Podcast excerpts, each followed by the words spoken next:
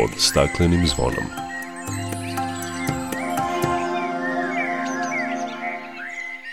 Dobar dan, dobrodošli na Zeleni talas prvog programa radija Radio Televizije Vojvodine. Ja sam Dragana Ratković. Sve što nam je potrebno dolazi iz prirode, ali zbog velikog pritiska na prirodu u poslednjih nekoliko decenija nestalo je više od polovine divljeg sveta. Dan biološke raznovrsnosti obeležen je juče, 22. maja, pod sloganom Mi smo deo rešenja za prirodu – Čućete šta je ključni pokretač ugrožavanja biodiverziteta, kakav je globalni plan u narednoj dekadi za očuvanje biodiverziteta, kao i kakvo je stanje biodiverziteta u Srbiji i regionu. To najbolje ilustruje primer sivog sokola koji u poslednje dve decenije beleži drastičan pad populacije. Tim povodom predstavit ćemo vam monografiju Sivi soko autora Bratislava Grubača. Govorit ćemo i o Svetskom danu pčela koji je obeležen prvi put relativno kasno 20. maja 2018. Na inicijativu Slovenije, a danas gotovo sve zemlje među kojima i Srbija koriste ovaj datum za podizanje svesti o ovim vrednim i korisnim životinjama. Čućete zašto su pčele važne i zašto se kaže ako nestane pčela nestaće i života na planeti. Toliko u najavi o ovim i drugim temama opširnije nakon pozdravne pesme. Dok priroda kraj nas plače Za vladarskim svojim tronom Tužno vele narikače Pod staklenim smo zvonom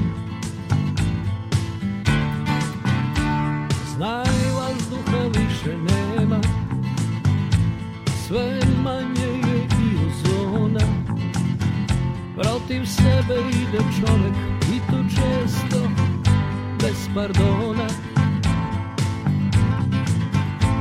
Uništenju živog sveta Kao da su ljudi skloni. Čovek sam je sebi meta Zbog njega ovo zvono zvoni Uništenju živog sveta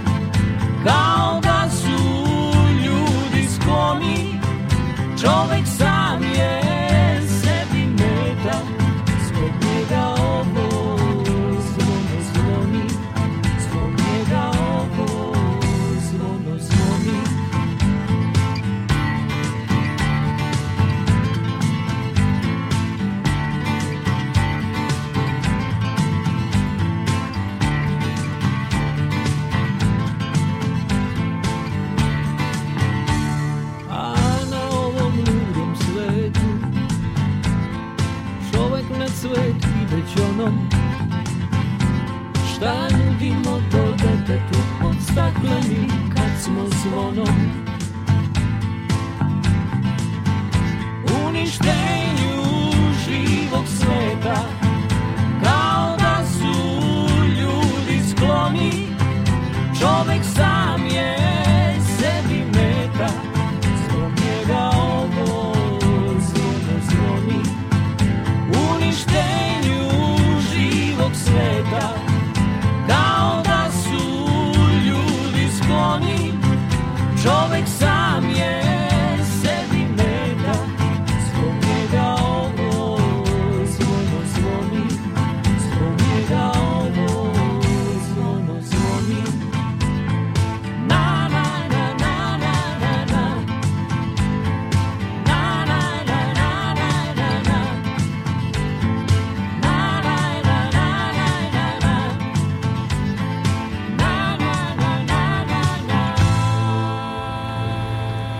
22. maja obeležavamo jedan od najvažnijih ekoloških datuma, Međunarodni dan biodiverziteta, koji su ustanovile Ujedinjene nacije kao dan kada se najšira svetska javnost podsjeća na ugroženost raznovrsnosti živog sveta na planeti i značaj njenog očuvanja. To ćemo učiniti i mi, a u tome će nam pomoći direktor regionalne kancelarije Međunarodne unije za zaštitu prirode za Istočnu Evropu i Centralnu Aziju, Boris Serg. Borise, dobrodošli na Zeleni talas Radio Novog Sada.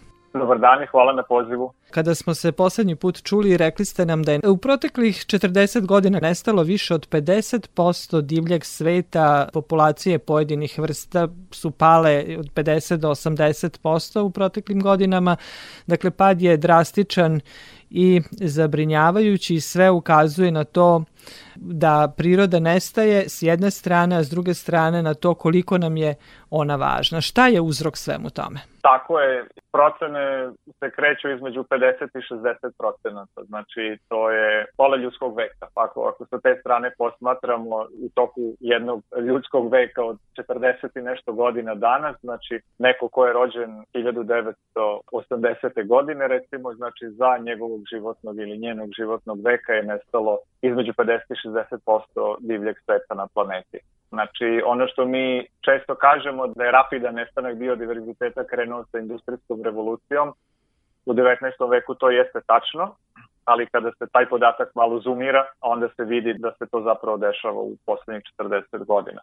Uzroci su naravno brojni, najdirektniji i najvažniji je naravno nestanak prirodnih ekosistema ili prirode u najširem smislu te reči. Da li promenom namene, nestankom nek nekog područja, neke šume, pretvaranjem u drugu vrstu zemljišta, izgradnjom infrastrukture, širenjem urbanih centara, pretvaranjem u tipa poljoprivredno zemljište ili nešto tog tipa, do oni koji su indirektni, najvažniji uzročnik su klimatske promene koje dovode do, ne bih rekao čak ni spore, ali jedne kontinuirane degradacije zemljišta i na kraju nestanka biodiverziteta i, i osiromašenja. Mi imamo podatke koji se takođe kreću od 40 do 70 procenata degradirane zemlje na planeti. Znači ako uzmemo najoptimističnije procene, reći ćemo da je negde između 30 i 40 procenata zemlje kopna na planeti degradirano, a ako uzmemo one koje su malo kritičnije, onda ćemo reći da je do 70-75% zemlje, odnosno kopna na planeti degradirano. Evo, to su ovakvi podaci koji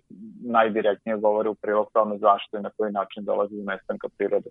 Gubitak e, biodiverziteta direktna je posledica ljudskih aktivnosti, a pomenuli ste i klimatske promene i posljednje dve godine i pandemija su samo pojačale utisak da je nestanak divljih vrsta alarmantan.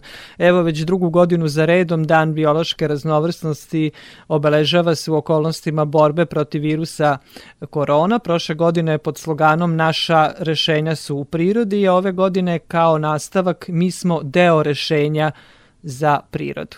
Tako, upravo ste, mi smo negde sami sebe doveli u poziciju da, da moramo mnogo ambicioznije, mnogo glasnije da tražimo rešenja i da nudimo rešenja. Mi jesmo uzrok nestanka prirode dobrim delom. U određenoj meri naravno možemo i moramo da budemo deo rešenja, moramo da uložimo svaki napor da do tog rešenja dođemo. I naša svest naravno o prirodi se drastično promenila isto tako u poslednjih par decenija kada smo postali svesni da nestanak prirode nije samo pitanje entuzijasta koji vole prirodu i koji se bave prirodom, nego je to pitanje svakog pojedinca na ovoj planeti, zato što nestanak prirode najdirekt ugrožava i naš boljitak. Toga smo potpuno svesni, zato što recimo taj podatak koji govori o, o degradaciji zemljišta zapravo nas vodi do toga da je polovina populacije na planeti danas ugrožena zbog degradacije, odnosno osiromašenja kopna zemljišta na jedan ili drugi način. Tako da to rešenje mi jednostavno moramo da, moramo da pronađemo.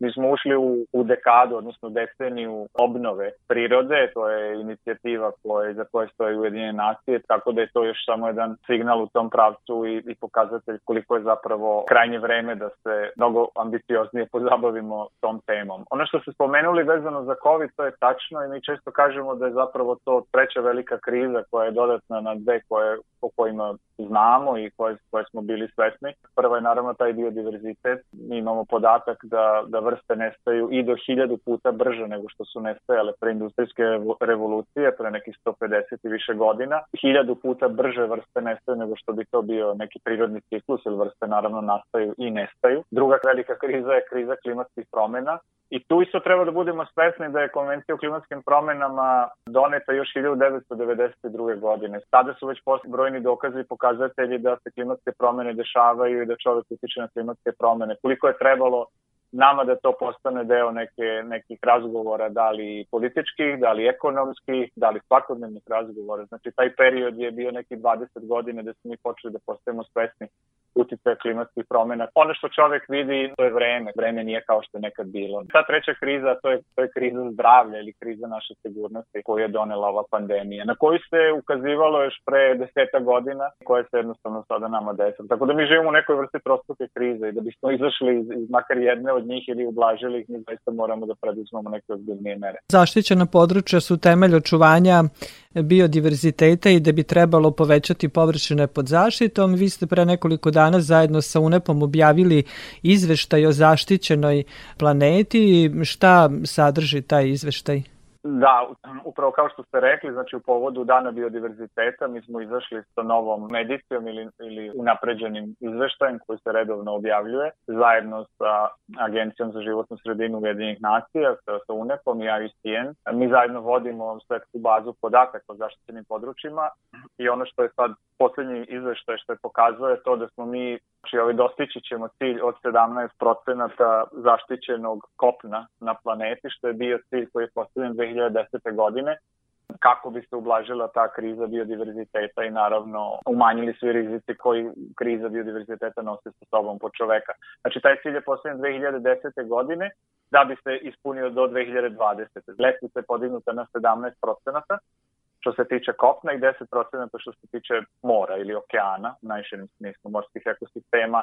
I mi smo tu sada negde na, na, na postizanju tog cilja 16,64, ali bit će 17. Znači do velike sledeće konferencije kada će, će biti dogovoren plan za narednih 10 godina u oktobru mesecu u Kunmingu u Kini, do tada će sigurno biti ispunjen plan. Tako da s te strane je vest ohrabrujuća. E sad ako malo detaljnije pogledamo u to šta to znači, vidjet ćemo da je ovaj, da je učenjen veliki napredak u poslednjih 10 godina. Teritorija veća od recimo Ruske federacije je, je zaštićena na planeti, dve Kine, recimo ili dve, dve Kanade. Tako da u tom smislu što se tiče same zaštite na globalnom nivou mi smo postigli negde cilj. E, s druge strane kad se pogleda kako se tim područjima upravlja, koliko se efikasno upravlja, koliko se tamo zaista, zaista štiti biodiverzitet, tu već nismo tako sjajni. Samo petina od svih zaštićenih područja ima neku procenu efikasnosti upravljanja, tako da je to nešto da mi moramo zaista da poboljšamo naš performans znatno u narednih 10 godina. Da stvar ne bi bila, po znacima navoda, tako jednostavna, moram da kažem da će novi desetogodišnji plan doneti mnogo ambiciozni cilj, a taj cilj je 30% planete da bude zaštićen. To je globalno dogovoren plan, kao naša ideja i način da, da ublažimo sve ove krize o kojima smo govorili. Dakle, svet je ispunio desetogodišnji e, cilj kad govorimo globalno, a kad govorimo nacionalno i regionalno, malo da se spustimo i na taj nivo, procenat zaštite kod nas je negde oko 7%. Kakvo je stanje biodiverziteta kod nas? IUCN je uradio jednu procenu za Zapadni Balkan prema podacima koje smo uspeli da prikupimo, a poprilično su pouzdani. Izašli smo sa brojkom od nekih 10% za, za Zapadni Balkan. Znači mi smo sada u ovom trenutku kao region 7% iza cilja koji ističe za par meseci. A bit ćemo negde 20% iza globalnog cilja za naredne 10 godina, što znači da je, da je ozbiljan zadatak ispred nas. Što se Srbije tiče, poslednji podatak koji se vodi u globalnoj bazi zaštićenih područja, Srbija na 7,6%. I to sad samo pokazuje koliko, koliko Srbija još treba da uradi da dođe do 30%. Naravno, postoje neke dobre inicijative, postoje neki dobri projekti, trenutno se radi ozbiljnija analiza područja koja mogu da se uključe u evropsku mrežu Natura 2000, to je referentna mreža zaštićenih područja u Evropskoj uniji, sad u Srbiji se radi ta procena, vidjet ćemo koje, koje, koje, sa kojim rezultatima će se izaći i to će biti prvi korak ka recimo povećanju zaštićenih područja u Srbiji, ali u svakom slučaju 7,6 jasno govori koliko još treba da se uradi. Plus, ne znači da je 7,6 ovaj procenata teritorije zaštićeno, To znači da su oni proglašeni zaštićenim područjem. Kako se upravlja, to bi zahtevalo verovatno poseban razgovor. I dok se oporavljamo od ove pandemije, dakle, kreira se novi globalni okvir zaštite biodiverziteta sa ciljem usporavanja njegovog gubitka, tačnije sa ciljem povećavanja zaštite područja. Šta je u predstojećem periodu u tom pogledu i zadatak IUCN, odnosno koje su aktivnosti predviđene? IUCN je naravno aktivan na, na raznim poljima, mi osim što smo naravno učestvovali, što vodimo bazu podataka zaštićenih područja, što smo učestvovali u izradi, stojimo iza ovog izveštaja, znači na globalnom nivou. Najdirektnije smo uključeni u, plan za zaštitu 2020-2030. Mi smo takođe uključeni u ovu dekadu, deceniju revitalizacije obnove prirode. Prošlog jula smo objavili novi globalni standard za rešenja zasnovana na prirodi. Globalno smo znači izašli sa tim standardom i najdirektnije more i globalnoj dekadi obnove i brojnim drugim procesima. Regionalno IUCN, naša kancelarija u Beogradu, koordiniše rad e, radne grupe za biodiverzitet, koja je referentna radna grupa i e, sačinjena od predstavnika prvenstveno Ministarstva životne sredine iz, iz regiona Zapadnog Balkana i ta radna grupa se redovno sastaje i koordiniše, planira, pokušava da unapredi stanje biodiverziteta kako regionalno, tako i, tako i na nacionalnom nivou. Mi smo direktno doprineli izrade zelene agende za zapadni ili zelenog programa za zapadni Balkan, poglavlja koji se tiče biodiverziteta i tu smo postavili nekoliko ciljeva. Jedan je da se uradi jedan ozbiljan plan za očuvanje biodiverziteta u, u regionu. Drugi je da se napravi jedan plan obnove, revitalizacije degradirane, uništene prirode u regionu da se pojača regionalna saradnja. Naravno da taj regionalni plan treba prevesti u nacionalni plan, u aktivnosti i slične stvari. Što se tiče rešenja zasnovanih na prirodi, tu takođe vodimo jedan veliki regionalni projekat. Baš smo imali uspešan konsultativni sastanak sa kolegama iz Srbije gde smo predstavili nacionalnu studiju za rešenje zasnovane na prirodi gde smo pokušali da ukažemo na neke nedostatke i mogućnosti kako možemo brže i bolje da ponudimo rešenja zasnovane na prirodi kao pomoć e, prvenstveno od klimatskih nepogoda i katastrofa koje nam se dešavaju. Tako da to je nekoliko stvari koje trenutno radimo. A ono što je, što je glavna poruka i čitavog ovog razgovora i dana biodiverziteta, to je taj mnogo ambiciozni plan, mnogo ambiciozni ciljevi koje postavljamo. Srbija isto učestvuje u međunarodnim razgovorima i pregovorima i dogovorima i prevođenje toga u, u aktivnosti na, na nacionalnom nivou. Prirodu smo poprilično iscrpeli, toga svi moramo da budemo svesni i budućnost je u tome da, da uložimo ozbiljan napor da, da situaciju poboljšamo zbog prirode i zbog nas. Da, mi smo deo rešenja za prirodu, kako i kaže ovogodišnji e, slogan obeležavanja Međunarodnog dana biodiverziteta. Gospodine Erg, hvala vam lepo za razgovor i učešću u programu Radio Novog Sada. Hvala i vama.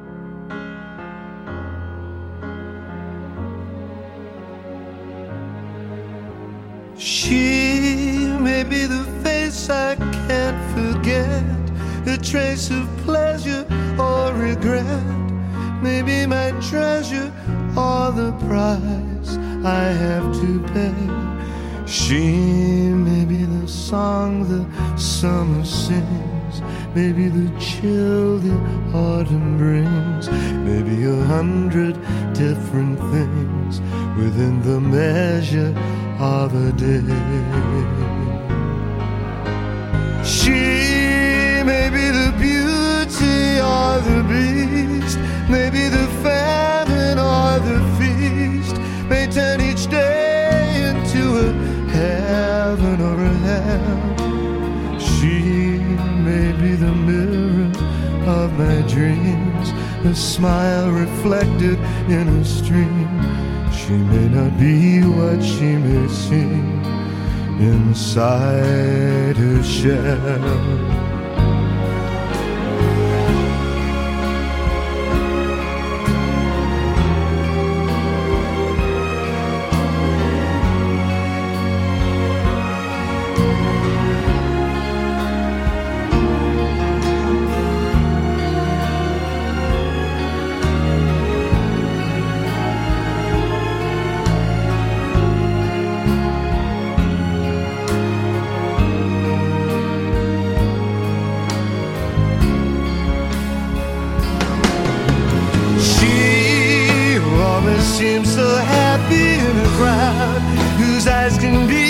Private and so proud. No one's allowed to see them when they cry.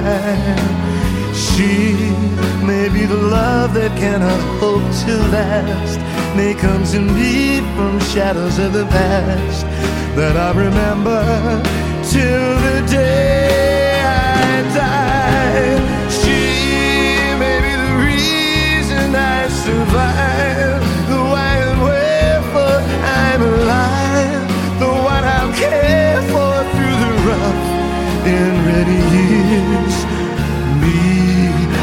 take her laughter and her tears and make them all my souvenirs. For where she goes, I've got to be.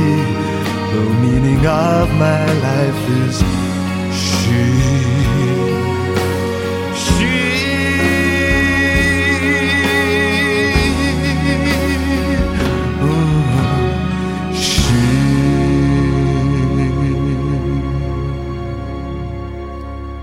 Slušate emisiju pod staklenim zvonom. U Srbiji u prošlom veku sivi soko bio je umereno brojna grezdarica. Nažalost, situacija se promenila i došlo je do opadanja brojnosti njegove populacije. Procenjeno je da se trenutno u Srbiji gnezdi svega 30 do 50 parova sivog sokola, što ukazuje na drastičan pad divlje populacije u posljednje dve decenije, s obzirom na to da je početkom ovog veka populaciju činilo između 75 do 90 parova.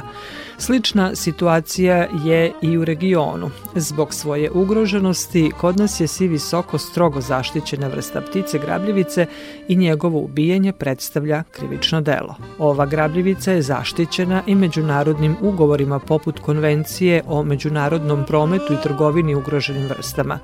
Nedavno je povodom obeležavanja 73 godine rada Zavoda za zaštitu prirode Srbije promovisana monografija Sivi Soko autora Bratislava Grubača.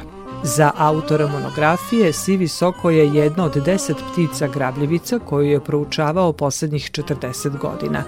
Knjiga predstavlja sintezu literarnih i terenskih istraživanja, a osnovni cilj pisanja monografije je da se istakne biologija, ugrožavajući faktori, mere zaštite i značaj ove interesantne, ugrožene i simbolične ptice na stručan način koja bi bila uvod u zaštitu ove vrste kod nas, na Balkanu i uopšte, kaže Grubač. Sivi sokoj je jedna od najveličanstvenih i najznačajnijih vrsta ptica na zemlji. Pripada grupi takozvanih krupnih sokolova. Odikuje se savršenim anatomsko-morfološkim karakteristikama. Ima izuzetan binokularan vid. Poseduje izvaren aerodinamičke karakteristike koje mu omogućavaju veoma brz i snažan let. Smatra se najbržim živim bićem na zemlji, koje u brušavanju dostiže brzinu od 389 km na čas. Hrani se uglavnom mnogobrojnim pticama, različite veličine od kraljića do guske, koje lovi u obrušavajućem letu u vazduhu. Kao izuzetan predator nalazi se na krajima lanaca ishrane ili na vrhovima tropičkih piramida, gde obavlja veoma važnu sanitarnu ulogu u eliminisanju bolesnih i nesposobnih jedinki. Time doprinosi prirodnoj selekciji kod životinja plena. Na taj način on sprečava i širenje zaraznih bolesti i epidemija u populaciji plena. Grubač dodaje da sokolovi hiljadama godina privlače pažnju u mnogim narodima i civilizacijama. Oni su kod mnogih drevnih naroda oličenje najviših vrednosti, predstavljaju simbol sunca, svetlosti, snage, slobode, moći i hrabrosti. Vekovima se koriste u sokolarstvu zbog svojih izuzetnih lovačkih sposobnosti. Posle drugog svetskog rata, zbog masovne upotrebe DDT-a i drugih hemikalija, u zapadnoj Evropi i Americi došlo je do naglog smanjenja populacije, nakon čega su primenjene aktivne mere zaštite u mnogim zemljama u svetu. Krajem 20. veka dolazi do oporavka ove vrste u Severnoj Americi i Evropi. Poslednjih decenija u svetu raste interesovanje za ovu vrstu grabljivice, ali u mnogim regionima sivi soko još nije dovoljno istražena i zaštićena vrsta, kaže Grubač. U Srbiji i u regionu Balkana on je nedovoljno izučena, a u mnogim područjima je i ugrožena vrsta zbog visokog, destruktivnog i patološki negativnog odnosa odgajivača goluba i lovaca. Prema ovoj vrsti i drugim pticama grabljivicama. Takođe, i u mnogim regionima sveta još uvek postoje brojni direktni i indirektni negativni uticaje čoveka na ovu vrstu, kao što su ubijanje, pljačke gnezda ilegalna trgovina, trovanje i kontaminacija, degradacija i uništavanje staništa, veštačka hibridizacija, kolizija s raznim građevinama i objektima, elektrokucija, uznemiravanje i drugi faktor. Prema rečima recenzenta monografije Si Visoko Slobodana Puzovića iz Pokrajinskog zavoda za zaštitu prirode, Bratislav Grubač je objavio više knjiga o pticama grabljivicama, ali ovo je nešto novo. Ono što se njemu posebno dopada je to što je autor, osim što je obradio sva saznanja o sivom sokolu, knjiga je usmerena na prostore Srbije i Balkana. Imajući u vidu da je sivi soko ugrožena vrsta ptica, da je populacija sivog sokola na Balkanu u stalnom opadanju poslednjih decenija i da u Srbiji ima svega nekoliko desetina gnezdećih parova. Veoma je važno što je ova knjiga izašla jer će ona biti postrek svima nama koji se bavimo istraživanjem i zaštitom ptica i prirode, da uložimo još jedan napor više da ovu jedinstvenu pticu sačuvamo i da populaciju ove vrste ponovo obnovimo na onim područjima gde je sivi soko nekada gnezdio. Ova knjiga pruža pregršt informacija i pregršt saveta šta treba u budućnosti da uradimo da bismo sačuvali sivog sokola i njegova staništa i nadam se da će nam ona zaista pomoći da sivi soko i dalje naseljava sva prikladna staništa na teritoriji Srbije i susednih zemalja. Sada imamo jednu elitnu monografiju, najobimniju i najjaču knjigu o jednoj vrsti u Srbiji smatra recenzent Nikola Stojnić, načelnik u Pokrajinskom zavodu za zaštitu prirode. Po njemu posebnost monografije je sadržaj zato što prikazuje sivog sokola sa najrazličitijih aspekata. Reč je o najrasprostranjenijoj ptici na svetu i veoma je zahtevno bilo kontaktirati sa kolegama od Čilea do Sibira. Stojnić kaže da su mu najzanimljiviji specifični detalji u vezi sa ponašanjem ove vrste. Sivi soko je jedna vrlo lepa, pametna ptica koja vrlo specifično se odnosi ne samo unutar svoje vrste, nego i prema drugim vrstama. I te detalje, te opise, to je pravi prirodopis, to je nešto što se ne može znati i do čega ne možemo doći ukoliko neko nije proveo desetine, stotine i hiljade sati posmatrujući, gledajući i pomno prepoznajući svaki detalj ponašanja ove vrste kako se obhodi prema gavranu, kako se obhodi prema drugoj ptici svoje vrste, kako se obhodi u slučaju mužjaka i ženke i tako dalje i tako dalje. To su predivni, predivni detalji, predivni prerodopisi koje posebno preporučam. Za monografiju Sivi Soko recenzent Goran Sekulić iz Svetske organizacije za zaštitu prirode kaže da je reč o knjizi svetskog nivoa u kojoj je Sivi Soko veoma ilustrativni primer odnosa čoveka prema prirodi. Zbog toga ova knjiga, osim što daje vredne ornitološke podatke o jednoj vrsti, ona ima dodatnu vrednost jer na neki način ona pravi učbenik zaštite prirode i odnosa čoveka i prirode. U njoj su detaljno objašnjene prirodne karakteristike ove vrste, ali takođe i svi mogući uticaj čoveka i kako se oni održavaju na populaciji ove ptice. Ovo je jedna od najpopularnijih vrsta, toga je, od njoj postoji zaista obilje podataka na globalnom nivou. To je svakako za autora u jednu ruku predstavljalo i noćnu moru, kako iz svega toga da izvadi suštinu i, i zaista pronađe one najbitnije podatke i predstavi ih, ali uspeo je, imamo jednu zaista preglednu monografiju svetskog nivoa u svakom pogledu. Sivi soko je kod nas sve ređa stanarica, za ishranu bira ptice pevačice i golubove, a takođe se hrani i glodarima kao i gmizavcima. Glavni faktor ugrožavanja opstanka sivog sokola u Srbiji je namerno ilegalno ubijanje, uključujući i trovanje, s obzirom na to da se sivi soko u naseljenim mestima pretežno hrani golubovima, što ga dovodi u direktan konflikt sa uzgajivačima rasnih golubova visokoletača. Dodatne pretnje po opstanak su takođe sakupljanje jaja i mladunaca iz gnezda za ilegalno tržište ptica grabljivicama, posebno hemijskim sredstvima u poljoprivredi, uznemiravanje u prirodi i uništavanje prirodnih staništa, zbog čega je broj jedinki sivog sokola kod nas prepolovljen.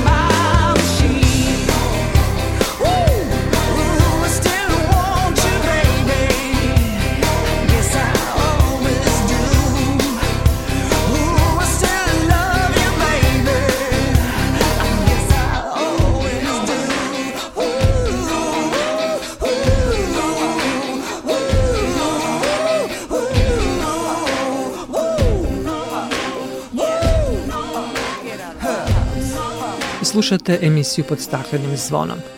Naša rešenja su u prirodi i mi smo deo rešenja za prirodu. Jedno od rešenja koje se nalazi u prirodi su i oprašivači koji pomažu biljkama, uključujući i one koje koristimo za ishranu da se razmržavaju. Ne samo da igraju važnu ulogu u obezbeđivanju hrane, već i očuvanju biodiverziteta, što je jedan od osnovnih ciljeva održivog razvoja.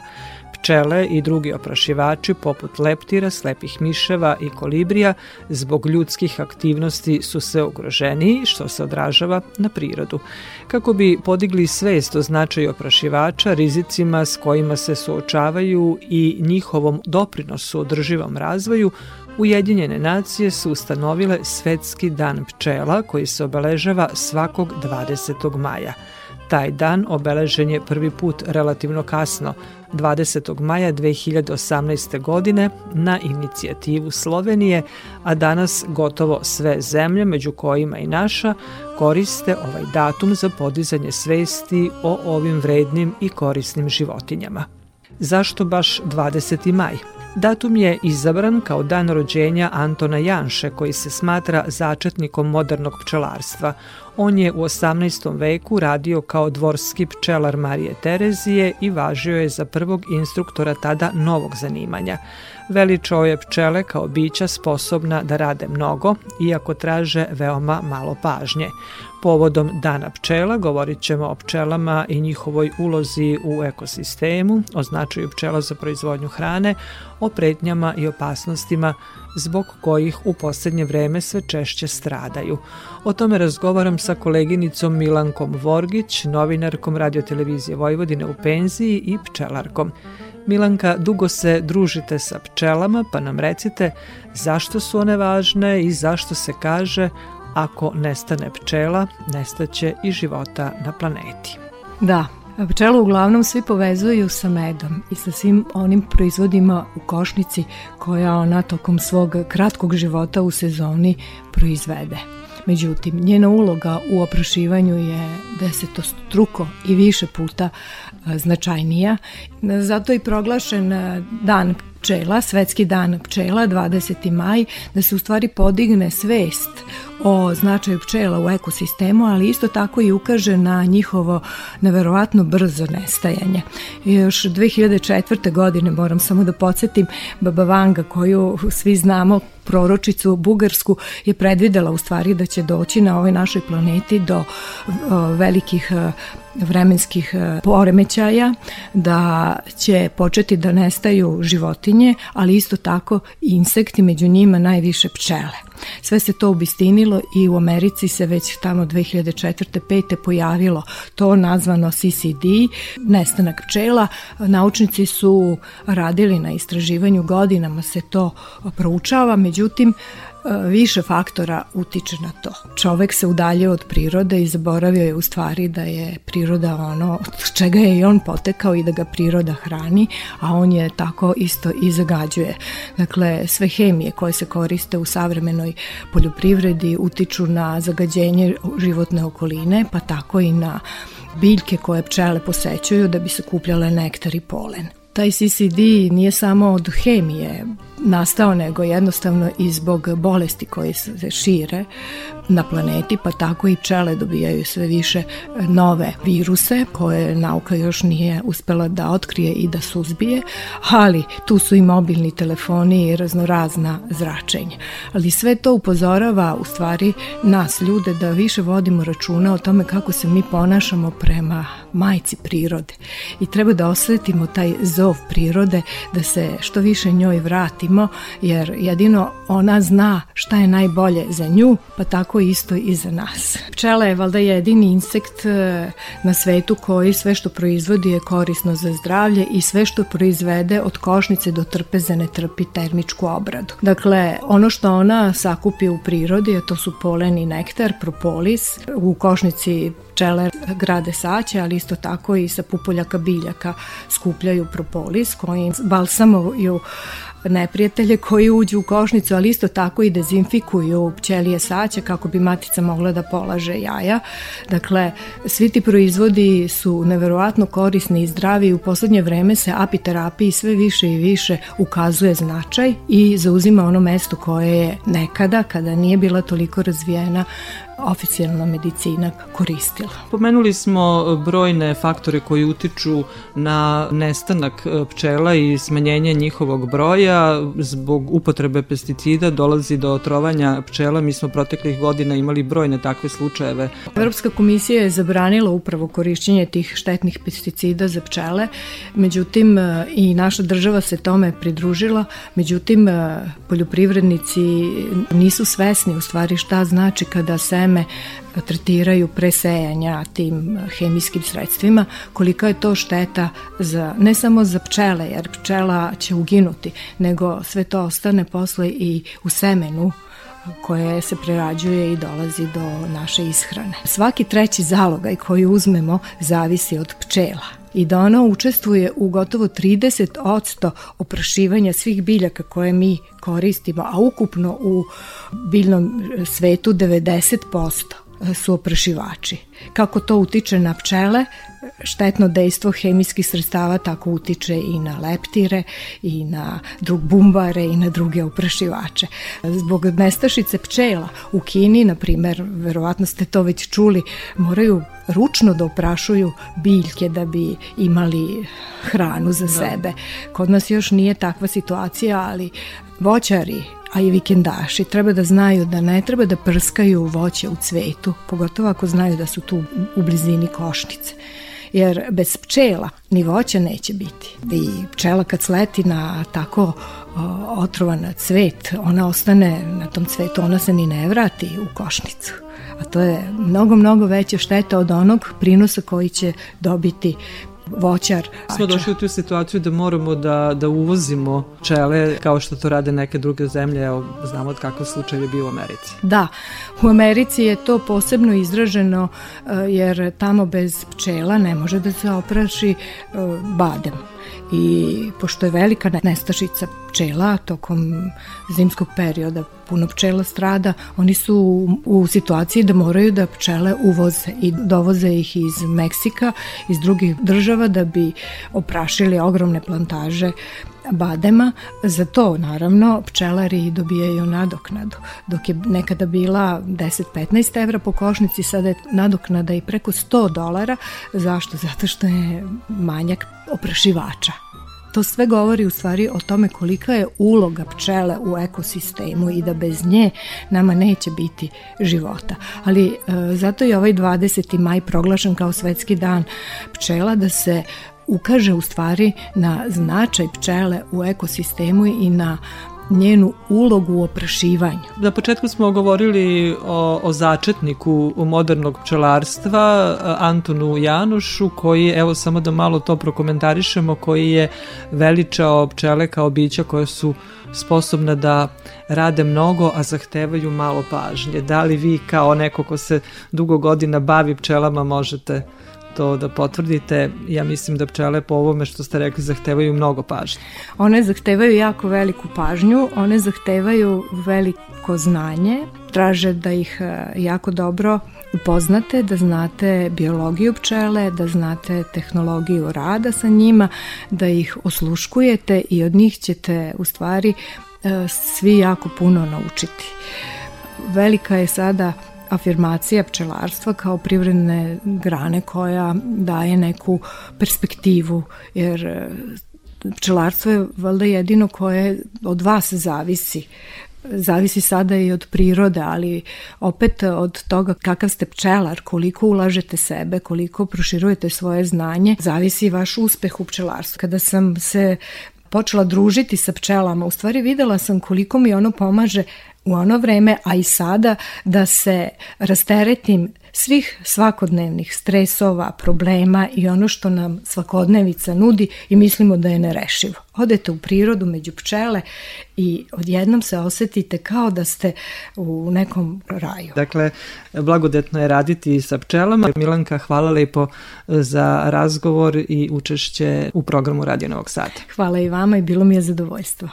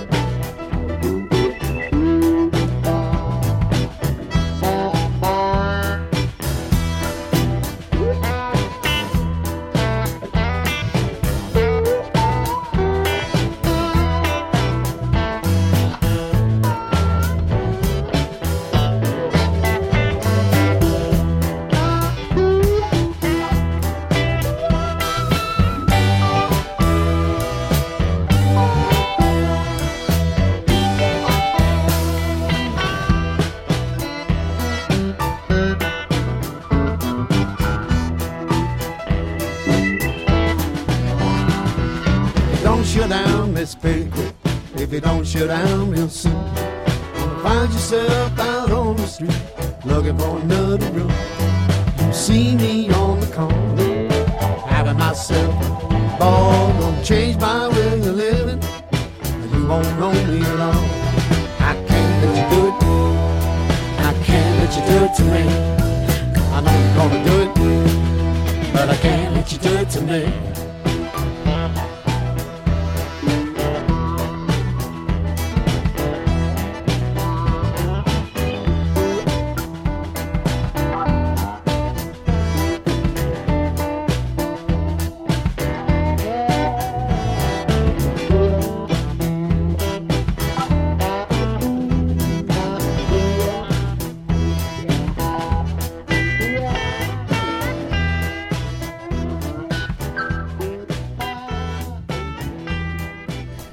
Slušate emisiju pod staklenim zvonom.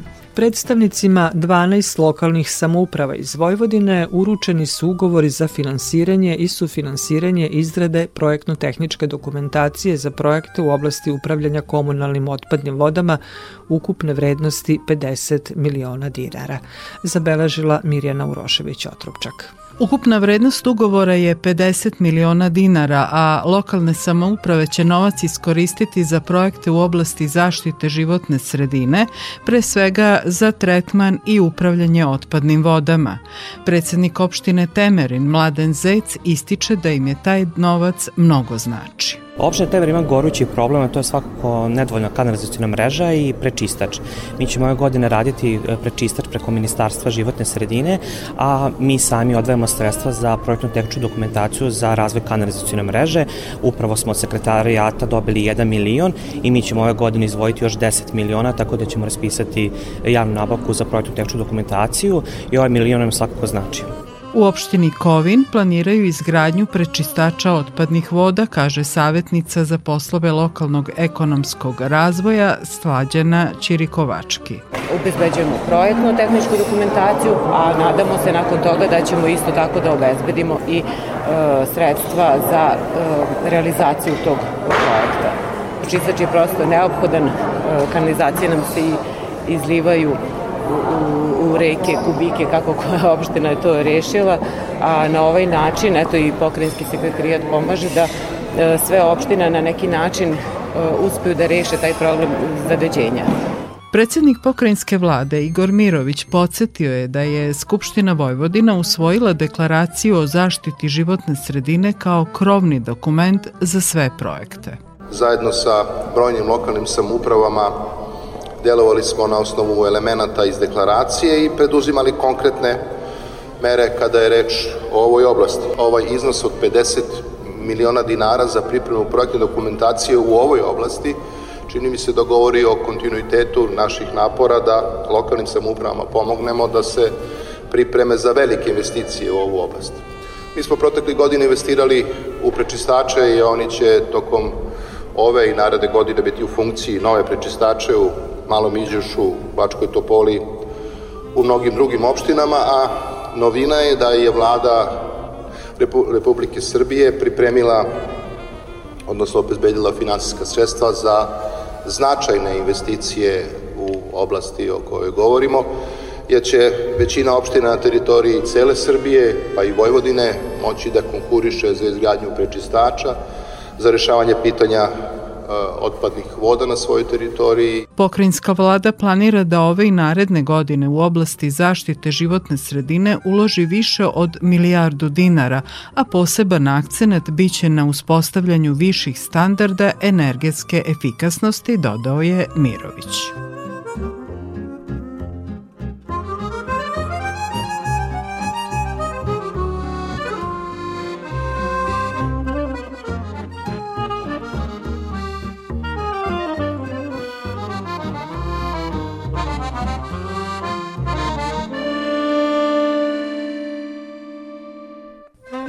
Slušate emisiju pod staklenim zvonom.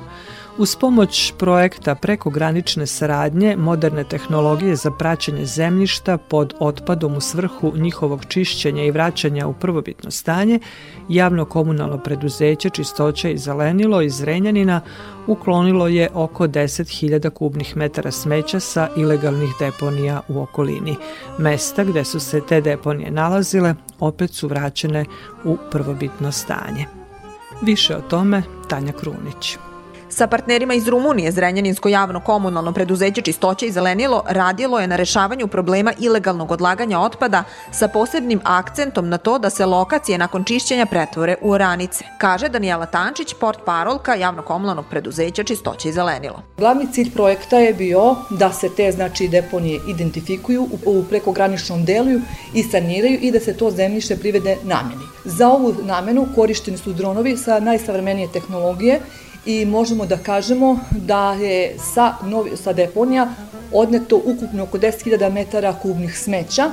E, deponije su uklonjene sa lokacija, odnosno sa šest lokacija i 12 područja na teritoriji grada Zrenjanina.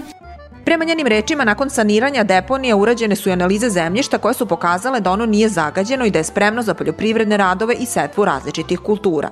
Jedna od uklonjenih deponija nalazila se u Mužnji. Meštani ovog naselja kažu da su oduvek vodili računa o čistoći i zaštiti životne sredine, te je ilegalna deponija na kraju sela kvarila tu sliku. Već nekoliko puta predavali su inicijative da se ona otkloni, kaže Tivadar Borbelj, član saveta mesne zajednice Mužlja. Ovo uveliko pomaže povrtarima, svima koji imaju tu zemlje, da ih na bolji i lakši način obiđu i ob, obrade, tako da mi se radujemo i nadamo se da više neće biti ovakvih ili sličnih ilegalnih deponija. U okviru projekta otklonjene su i divlje deponije u Jankovom mostu, Mihajlovu Tarašu, na Tiskom putu i kod fabrike Neymar. Plan je da projekat bude održiv i u narednim godinama.